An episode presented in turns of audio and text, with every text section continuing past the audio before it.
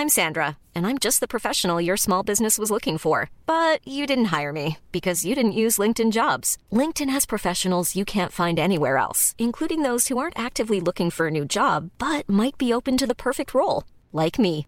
In a given month, over 70% of LinkedIn users don't visit other leading job sites. So if you're not looking on LinkedIn, you'll miss out on great candidates like Sandra. Start hiring professionals like a professional. Post your free job on linkedin.com/people today.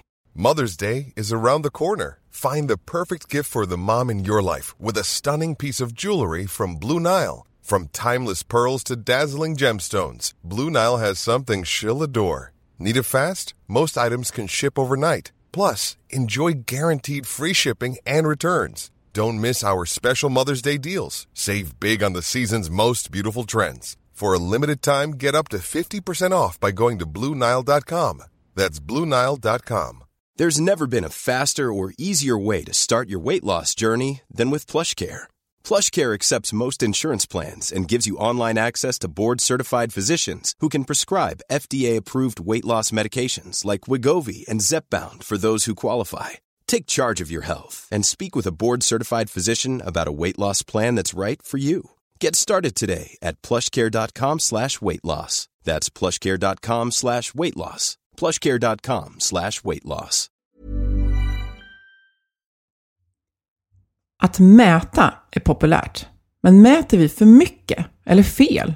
Vad händer då? Idag ska vi ta upp vilken återkoppling vi fick på ett avsnitt om mätning som vi släppte före sommaren 2019. Åsikterna och insikterna är många och vi ville dela med oss av era, våra lyssnares reflektioner.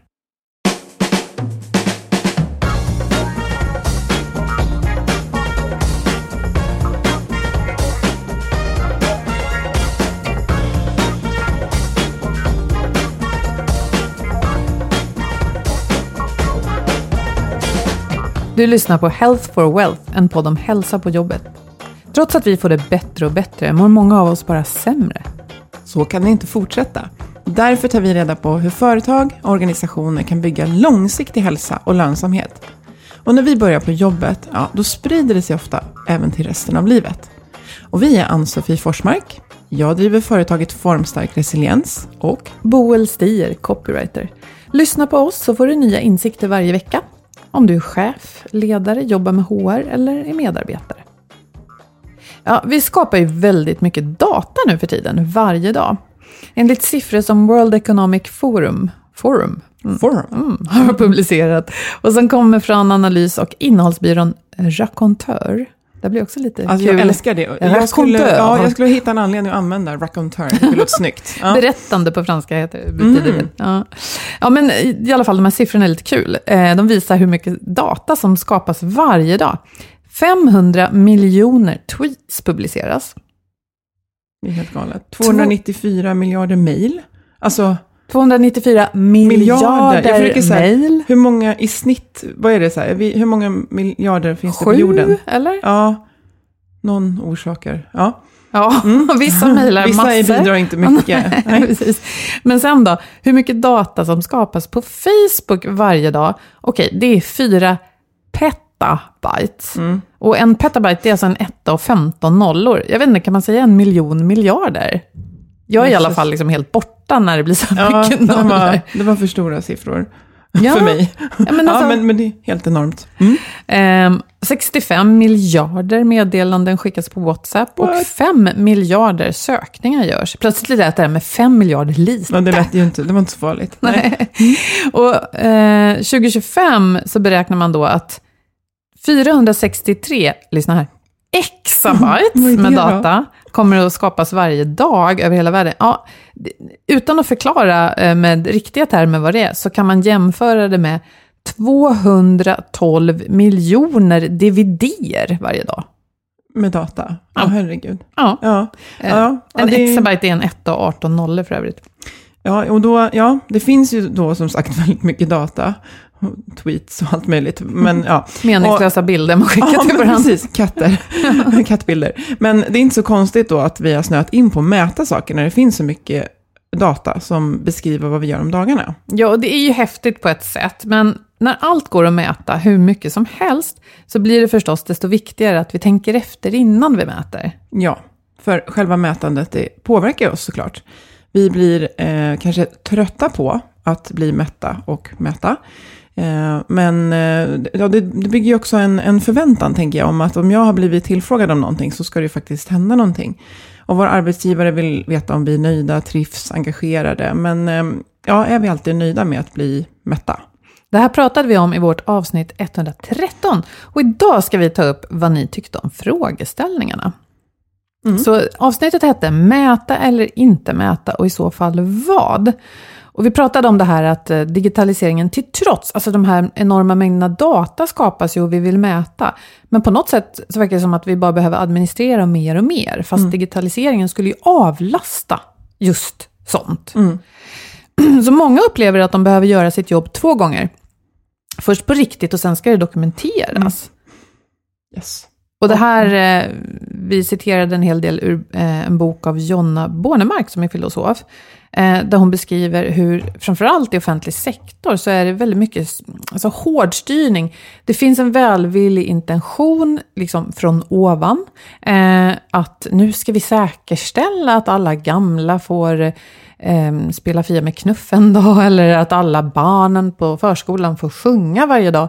Men när det här ska dokumenteras så tar man ju bort eh, yrkespersoners eget omdöme. Och då ska man istället sitta och, och följa massa manualer. Mm. Det blir liksom inget bra. Nej, och samtidigt så finns det här, eh, den här tillitsdelegationen som ju egentligen syftade till att vi skulle, och det tänker jag, det måste vi komma tillbaka till och faktiskt prata om. För det, eh, ja, det var en delegation som tillsattes av mm. vad, regeringen? Ja, som måste varit, ja, ja eh, vad heter hon som, Louise Spring... Nej, vi får återkomma ja. till... Mm. Nej men precis, därför att det här är ju någonting som många uppmärksammar nu. Mm. Att det krävs mer tillit eh, och framförallt i offentlig sektor där vi har ett liksom, gemensamt inflytande mm. över hur vi, hur vi gör saker och ting. Eh, därför att när människor inte får använda sitt yrkesmässiga omdöme, ja, men då missar vi det här som är så viktigt, mm. eh, inte minst i vård och skola och ja, även polisyrket, relationer. Mm. Det är ofta kärnan som allting bygger på. Mm. Så att mäta med eftertanke är helt avgörande. Och hur ska man tänka då? Det här resonerade vi kring i, eh, i boken, och, eh, i, boken i mm. vårt inlägg. Och också det här att vi kanske inte alltid måste vara så rädda för det vi inte vet. Alltså, när, när man kan jobba datadrivet, då tror vi många gånger att om vi inte inte gör det jämt i varje sekund så blir det fel. Men ibland kan vi själva faktiskt också använda vårt omdöme. Men okej, fakta är trots allt viktigt. Eh, jag la ut ett inlägg på LinkedIn i samband med att vi släppte det här. Mm. Och då skrev jag att kan man mäta allt? Ska man mäta allt? Och för mig är svaret nej. Jag tycker vi mäter för mycket och för ofta. Det leder till en oerhörd administrativ börda och allt för lite utrymme för fritt tänkande. Och så bad jag folk att säga vad de tyckte.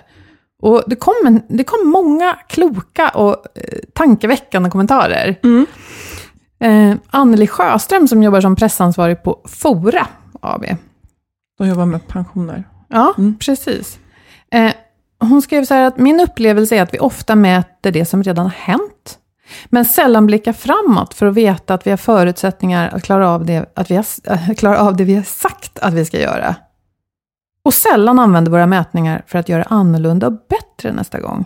Mm. Och det, det, kan jag tänka mig är, eh, är tyvärr ganska, alltså ganska vanligt. För det, det, krävs ju verkligen att man planerar in att vi ska, eh, vi ska mäta och så ska vi ta del av resultatet. Och sen blir det kanske att det är ett isolerat tillfälle där man jobbar med eh, att tyda resultatet och planera liksom, actions. Men sen behöver man ju också följa upp dem. Jag tror att de flesta vill göra så här. Men eh, hennes erfarenhet är ju då att det inte inte sker. Och det är kanske fler som känner igen det. Ja, men tänk bara nyckeltal av olika slag kan ju användas, jag fiskar lite här, för att bekräfta att jag som chef har gjort ett bra jobb, eller att vi ska kunna slå oss mm. för bröstet, eller vi kanske väldigt gärna vill att våra kunder ska vara nöjda med oss. Då kan det också leda till att man tolkar siffrorna på ett visst sätt, att man jämför dem året innan när trenden är uppåt, men låter bli när trenden är neråt. Alltså, det handlar jättemycket om att sätta siffrorna i kontext och att vara beredd att agera på dem. Mm. Jag tänker, hon, hon, skrev också att man kan mäta utan att lära, men man kan sällan lära utan att mäta. Vi behöver åtminstone ha tydliga fakta att basera våra beslut på. Ja, så där är ju en, en viktig kanske invändning mot vad jag skrev där, att vi borde mäta mindre. Ehm, att, ja, har vi ingen fakta att förhålla oss till och bara gå på någon slags magkänsla så är inte det så bra heller. Men just det här att man, eh, hon, hon skrev också, Anneli, att man kan skilja på uppföljning, hur gick det och vad lär vi? Och driftsledning, alltså vi ska dit, vilka anpassningar behöver vi göra för att klara det? Och jag tror att vi lätt liksom går vilse. Jag kan ta ett exempel från mitt eget skrå. Jag tänker när vi börjar kunna jobba med så här webbanalys. Vad kan det ha varit? 15 år sedan det blev stort. Och alla kunde se, utan att betala för massa extra verktyg, då, vad som hände på ens webbsida och hur mycket trafik man fick. Ja, men då blev det väldigt viktigt för alla att vi ska driva väldigt mycket trafik till vår webb. Och det tog ganska många år innan flera kliade sig i huvudet och sa, men vänta lite, är det inte viktigt att ta reda på vilka vi vill ska till vår webbsida och sen vad vi vill att de ska göra där? Det är ju ett sätt. Liksom. Eller så kan man använda sån data för att se, är det någon som, liksom, är det väldigt många som lämnar vår webb tidigt? Kan vi, kan vi ställa någon fråga till folk på något sätt? Kan vi erbjuda någon livechatt så att vi fångar upp dem som inte hittade det de ville ha? Så att, det är ju aldrig så lätt det här med siffror och mätande Nej. som vi tror. Nej, och så tänker jag just att vi alltid, eller ganska automatiskt, tror att det prat, pratas om siffror. Men eh, om man skulle slå upp definitionen av att mäta, alltså det, just det här kvalitativa, om, om man säger så här, hur gick det där mötet?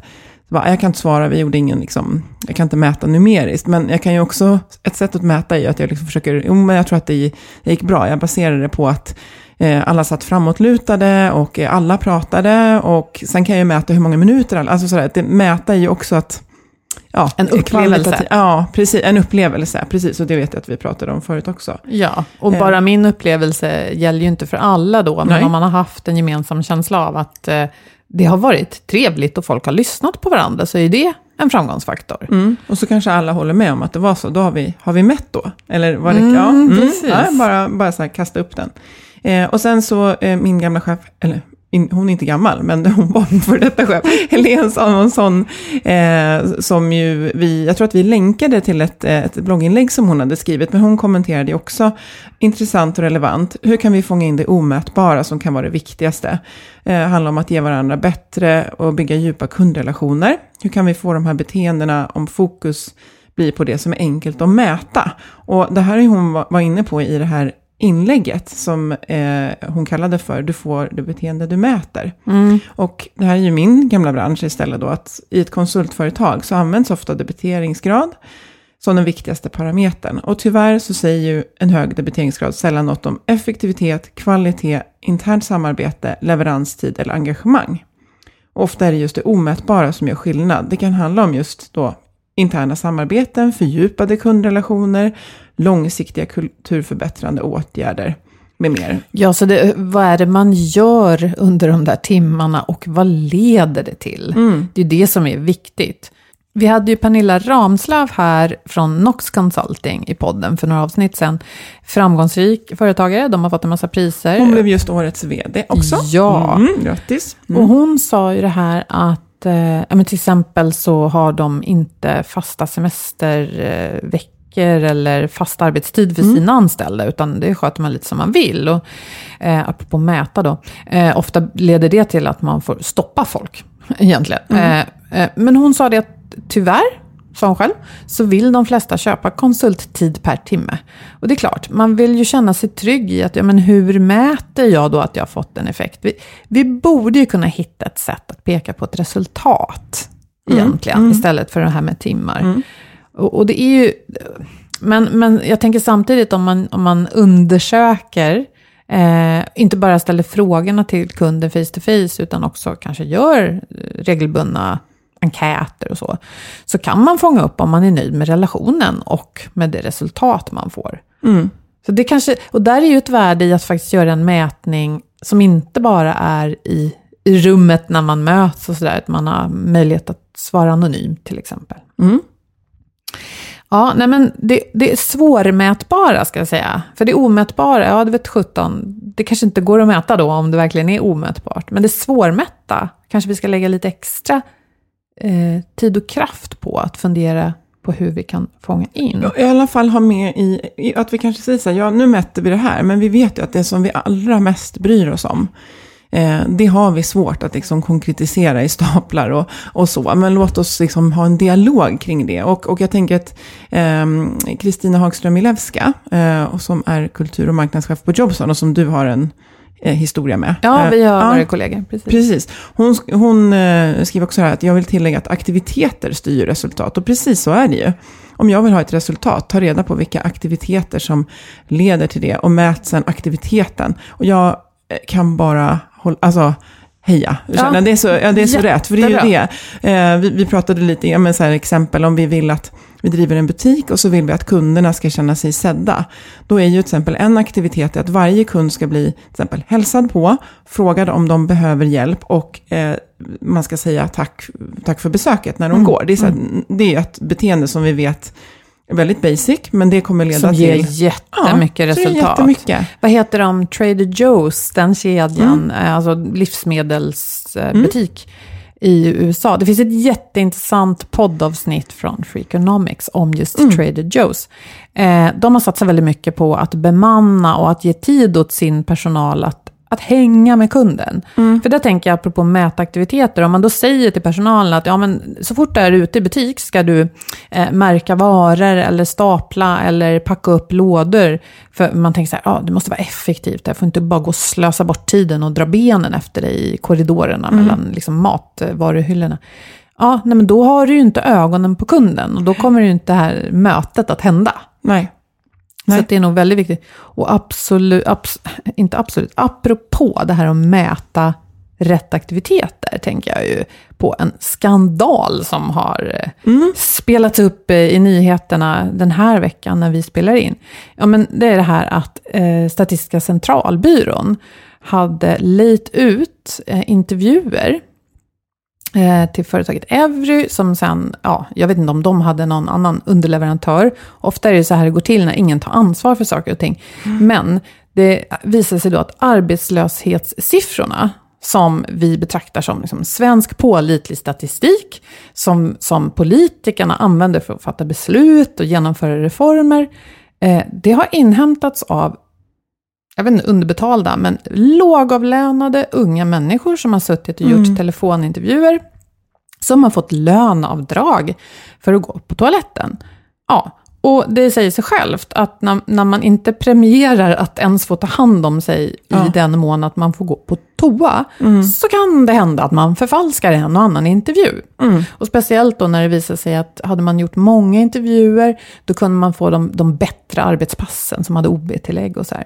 Ja, vilket betyder Ja, då att de här siffrorna stämmer inte. Nu måste SCB göra om Ja, de senaste alltså. två årens siffror. Jösses. Men det är just det här, man, och det här vet jag att Helena också kommer tillbaka till, henne var inne på, att man, eh, jag, jag styr ju beteendena mot det jag blir mätt på. Ja. Så, eh, så, ja, det där Är det bara väldigt konkret och eh, vid, galet exempel som verkligen påverkar, hur, ja, Nej, men det är så Mycket. uppenbart galet. Och då kan man ju tänka så här, vissa branscher där man eh, har hög beläggningsgrad, kan ta bra betalt per timme, mm, där är just det här med att gå på toa kanske inget problem. så. Eh, men det, det blir så tokigt när man ska pressa ur människor eh, effektivitet varje minut, för att i slutändan blir ju inte det effektivitet. nej. Och det är klart, det finns ju, liksom, det finns ju dåliga företagare som tycker det är okej att pressa ur all kraft ur medarbetare och sen liksom kasta dem på hög och ta in nya lågavlönade som inte vågar säga emot.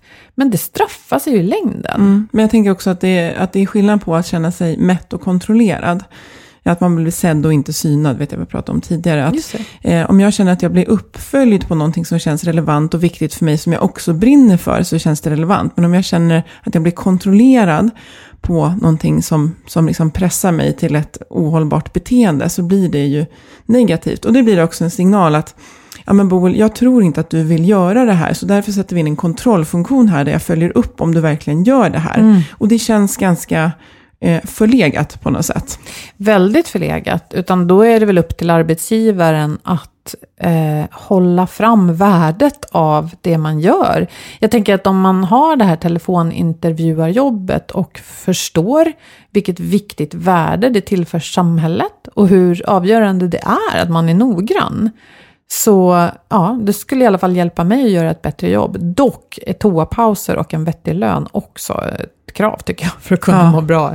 Ja, och sen får vi tänka också olika branscher. att jag tänker, är det väldigt viktigt med säkerhet? eh, Att jag tänker så här, ja, då, då, kanske det behöver finnas. Man kan inte säga, ja men vi litar på att personalen vill göra det här. Det kanske måste finnas vissa liksom kontrollfunktioner. Men då förstår ju också alla varför de finns där. Det är ganska enkelt att motivera. Så. Ja, då kan Mm. det också vara så att man hjälps åt, att man delar både på kontroll och ansvar. Mm. Att det inte känns som att min chef granskar mig hela tiden och letar efter fel. Nej. Utan vi hjälps åt för att täppa till luckor, för att Mm. vi vet hur viktigt det är, det vi Men, gör. men vi kommer tillbaka till det där med att det, det gäller ju att alla förstår varför man mäter det man mäter och vad det ska leda till. Och eh, vår samarbetspartner Twitch Health, deras vd Fredrik Karlsson, han har också eh, såklart eh, bidragit till den här dialogen. Och han säger här att ja, det är klokt att mäta det precis, det som är viktigt. Och sen är det väldigt viktigt att mäta rätt, så man vet att man följer upp det man tänkt i grunden. Och för att mäta det som är viktigt så behöver både företag och individer gå till botten med vad man vill uppnå eller följa upp. För mig som fokuserar på hälsa i företag finns det ganska många misstag som görs. Och då ger han exempel på att företag som följer upp sjukfrånvaron som ett mått på organisationens välbefinnande. Och det är ganska Ja, men kan vi bristfälligt. stanna till där? Ja. För jag tänker att det, det är kanske inte är så självklart vad han menar där. Så att, okej, om, man vill, om man är mån om människors välbefinnande och så tittar man på sjukfrånvaro. Ja, men någonting säger du förstås. Alltså i många sjuka. Mm. Det är ju inte så bra. Men det kan ju vara att det är orsakat av att em, man inte vill gå till jobbet. Men i många branscher så har man en låg sjukfrånvaro, en hög som jag pratat om, sjuknärvaro. Och sen kan det ju vara att ja, men om alla fick både influensan på hösten och alltså, man måste ändå liksom, titta på or- orsaken till att Ja, folk och är... då kan vi bara ta det där igen med sjuknärvaro, för jag är inte säker på att alla vet vad det är. Det betyder alltså att egentligen är du sjuk och borde vara hemma, men du är på jobbet ändå. Ja, precis. Ja. Och, ja, precis, sjuknärvaro mår. Och, och, men det kan ju vara allt ifrån att du går fast du är förkyld, men det kan ju också vara att du faktiskt mår dåligt. På väg Mm, in i utmattning. Mm. Ja, Mm. just det. Presenteism. Men eftersom det är löneavdrag när du ska gå på toa så kör du på. ja, alla fall, precis. Till exempel. där. Ja. Ja. Eh, Men en annan eh, intressant och kul reflektion från Fredrik Karlsson på Mm. Twitch Health var ju det här. Eller så gör man hälsoundersökningar och pulsmätningar med en förväntan att personalen ska må bättre och bli mer engagerade. Haha. Det är ju Mm. ganska roligt att man tror att för att man mäter så ska Mm. det komma något, något positivt resultat. Och det Mm. räcker ju inte. Nej, och han, han stannar ju i det här med eh, att liksom mäta hälsa. Att om man börjar med att definiera hälsa så kommer man snabbt fram till att det inte är samma sak som avsaknad av sjukdom, precis som Världshälsoorganisationens definition. Och det är klokt att mäta sånt som går att påverka genom ett ändrat beteende. Ja. Eh, och eh, ett exempel att man många mäter symptom, eh, men det är ännu närmare människan att mäta det som kan bidra till att minska symptom, eller det som orsakar symptom. Och då är han inne på det här med brist på rörelse, stillasittande till exempel. Mm. För, för det går att påverka. Ja, och han har, ju- eller han, ja jo han har, det är han som har skrivit det. De har ju skrivit ett jättebra eh, blogginlägg som handlar just om hur man ska tänka när man vill mäta hälsa, hur man kan resonera och faktiskt göra det på ett bra sätt. Och det länkar vi till eh, i det här inlägget på hemsidan, så kan ni få konkreta tips där. Jo, för att när vi då mäter, det kan ju finnas omvärldsfaktorer som påverkar oss, eh, antingen konstant eller tillfälligt. Jag menar till exempel kan det vara så att man under en period behöver jobba som en galning i en arbetsgrupp för att man har en deadline och ja, det blev sent den här gången. Och det kan ju vara helt okej, tycker jag själv i alla fall, om det inte är något som pågår hela tiden. Eh, men då kan man inte riktigt flytta deadline. Men det man kan göra är att man kan bestämma att det är okej att jobba övertid den här veckan. Eller man kan bemanna, ta in extra personal. Så att eh, vi kan inte påverka deadline, vi kan inte påverka i nuläget att vi är sena. Men vi kan göra något, alltså det vi kan påverka, det, det är som sånt vi ska mäta. Och då till exempel eh, om man zoomar ut, ja men hur ska vi mäta det här för att göra bättre nästa gång? Ja, vi kan ju se eh, vad det var som gjorde att vi blev sena. Det kanske var så att vi inte hade rätt förutsättningar från början till exempel. Mm. Eller hur? Så att man kommer åt det man kan påverka helt enkelt. Inte om det är sol eller regnar. Nej. Det kan vi inte riktigt Nej. påverka. Ehm, jag, jag skulle vilja putta in också, jag, jag håller ju en utbildning som heter framgångsrikt hälsoarbete i praktiken. Och där är en, en viktig del hälsoekonomi och jag märker att väldigt många när jag frågar förväntningar på dagen och sådär, så är det, ja men vi behöver kunna mäta och räkna. Och eh, då brukar vi jobba med lite olika exempel och det ena är ju såklart sjukfrånvaron och den är ju den, själva sjukfrånvaron, den, den, den är ju liksom vad den är. Alltså det är så här, om, om, jag, om alla anmäler att de är sjuka så kan jag också se, ja men det är, det är tre hemma idag, det stämmer. Jag ser det också i, jag som gillar bokföring, i resultaträkningen. Det är sjukfrånvarokostnad som jag kan se någonstans i personalkostnaderna. Men sen har vi det här arbetshälsoekonomiska analysverktyget som kom för några år sedan, jag tror det kom 2016. Och Som det- är offentligt, som alla kan använda. Mm. absolut. Och det blir väldigt hiskeliga siffror. För det den gör, man tittar på totala lönesumman för företaget eller organisationen. Och man lägger även in vinsten. Och det gör man därför att någonstans är det ju personalen som har skapat vinsten. Och sen så tittar man på hur stor del av personalen anser man um, liksom är stressade, alltså lider av psykisk ohälsa. Och det kan man använda schabloner för om man inte vet. Och då är de liksom tagna i underkant. Och sen så tittar man på vilken produktivitetsnedsättning det leder till under en timme. Och det vet man ju själv att om jag sitter och är väldigt irriterad, stressad, störd, rädd för en konflikt, det bullrar omkring mig, så påverkar det min, eh, mitt, min förmåga att jobba. Och, så de, det här är- bygger på schabloner, men de bygger på forskning, så de är liksom vedertagna. Och det blir, det är ganska lätt att stoppa in sina siffror. Men det blir Företagets liksom... Ja, men det blir enormt stora siffror. Och jag kan känna ibland att det är väldigt svårt att peka på resultaträkningen och säga, men vart syns de här? För de, jag brukar säga, de härjar i hela resultaträkningen och i, och i balansräkningen. Det kan ju vara att vi säljer inte lika mycket. Vi har högre kostnader för slarv, vi har högre omkostnader för det här. Eh, saker och ting tar längre tid. Och jag tänker att det är väldigt, bara för att det är lätt att räkna så måste man förstå var siffrorna kommer ifrån. Eh, och förstå resonemanget. För att ska du använda de här för till exempel pitcha till en ledningsgrupp att vi vill göra en, en satsning på personalen.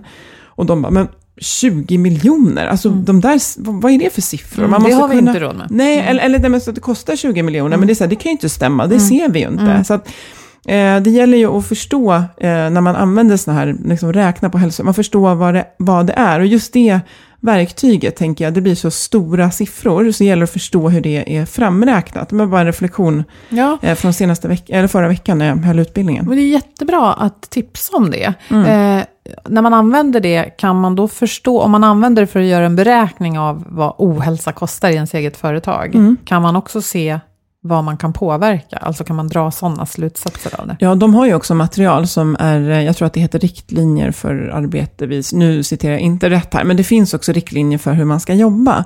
Eh, Så de har ju verkligen gjort rätt. Här kan ni räkna och här kan ni arbeta. Och det är att jobba med sitt systematiska arbetsmiljöarbete. Det är ju så man ska, man ska jobba systematiskt med hälsa. Identifiera orsak, inte bara symptom. Och sen jobba systematiskt och följa upp. Så. Det är fantastiskt att det finns. Mm. Eh, tillbaka till det vi inledde med, att i framförallt offentlig sektor finns det ett problem med allt för hård styrning och avsaknad av tillit. Och eh, apropå det här inlägget och kommentarer på det. Dennis Hjelmström som är skolchef i Ystads kommun skrev att eh, ja, det här var något som var uppe och diskuterades idag igen.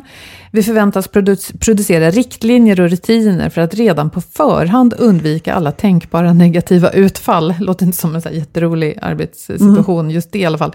I en värld som är relativt oförutsägbar och naturligt nyckfull. Utmaningen består i att lita på att omdöme faktiskt kan och bör vara ett accepterat verktyg inför till exempel hastigt uppkomna situationer eller ovanligt komplicerade sammanhang. Vad adaptiv pratar han om. där. Ja, Mm. precis. Och det ställer krav på människors tilltro till eget och andras omdöme såklart. Men alternativet, att bygga bort rörligt tänkande med hjälp av scheman och pilar för standardiserat handlande, ja, då ris- riskerar såklart sånt som faller utanför ramen att falla väldigt långt. Och ja, nej, men det, här, Ja, det är ju det här verkligen. dilemmat vi Mm. befinner oss i, tror jag.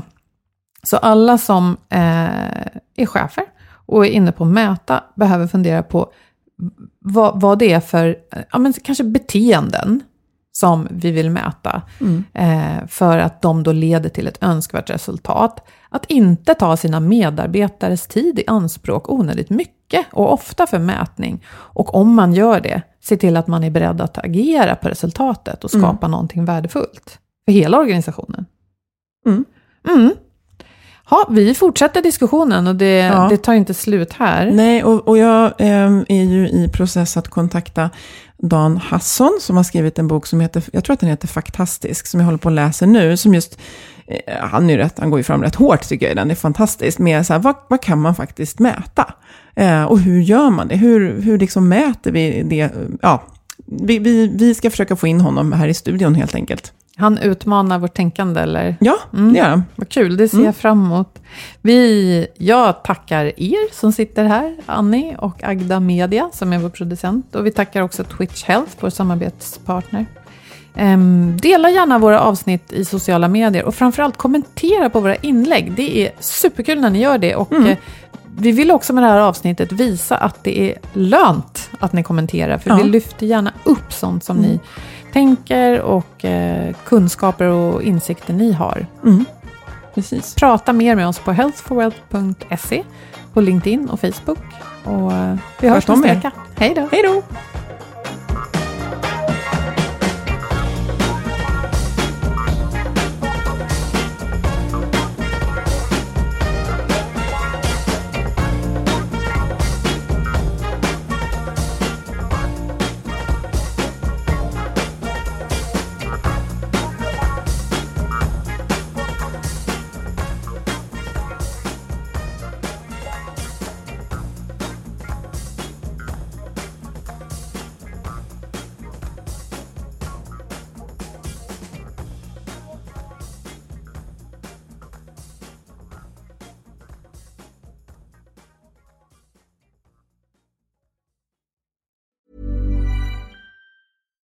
Deserves the best, and there's no better place to shop for Mother's Day than Whole Foods Market. They're your destination for unbeatable savings, from premium gifts to show-stopping flowers and irresistible desserts. Start by saving 33% with Prime on all body care and candles. Then get a 15-stem bunch of tulips for just $9.99 each with Prime. Round out Mom's menu with festive rosé, irresistible berry chantilly cake, and more special treats. Come celebrate Mother's Day at Whole Foods Market. Hey, it's Danny Pellegrino from Everything Iconic. Ready to upgrade your style game without blowing your budget? Check out Quince. They've got all the good stuff shirts and polos, activewear, and fine leather goods, all at 50 to 80% less than other high end brands.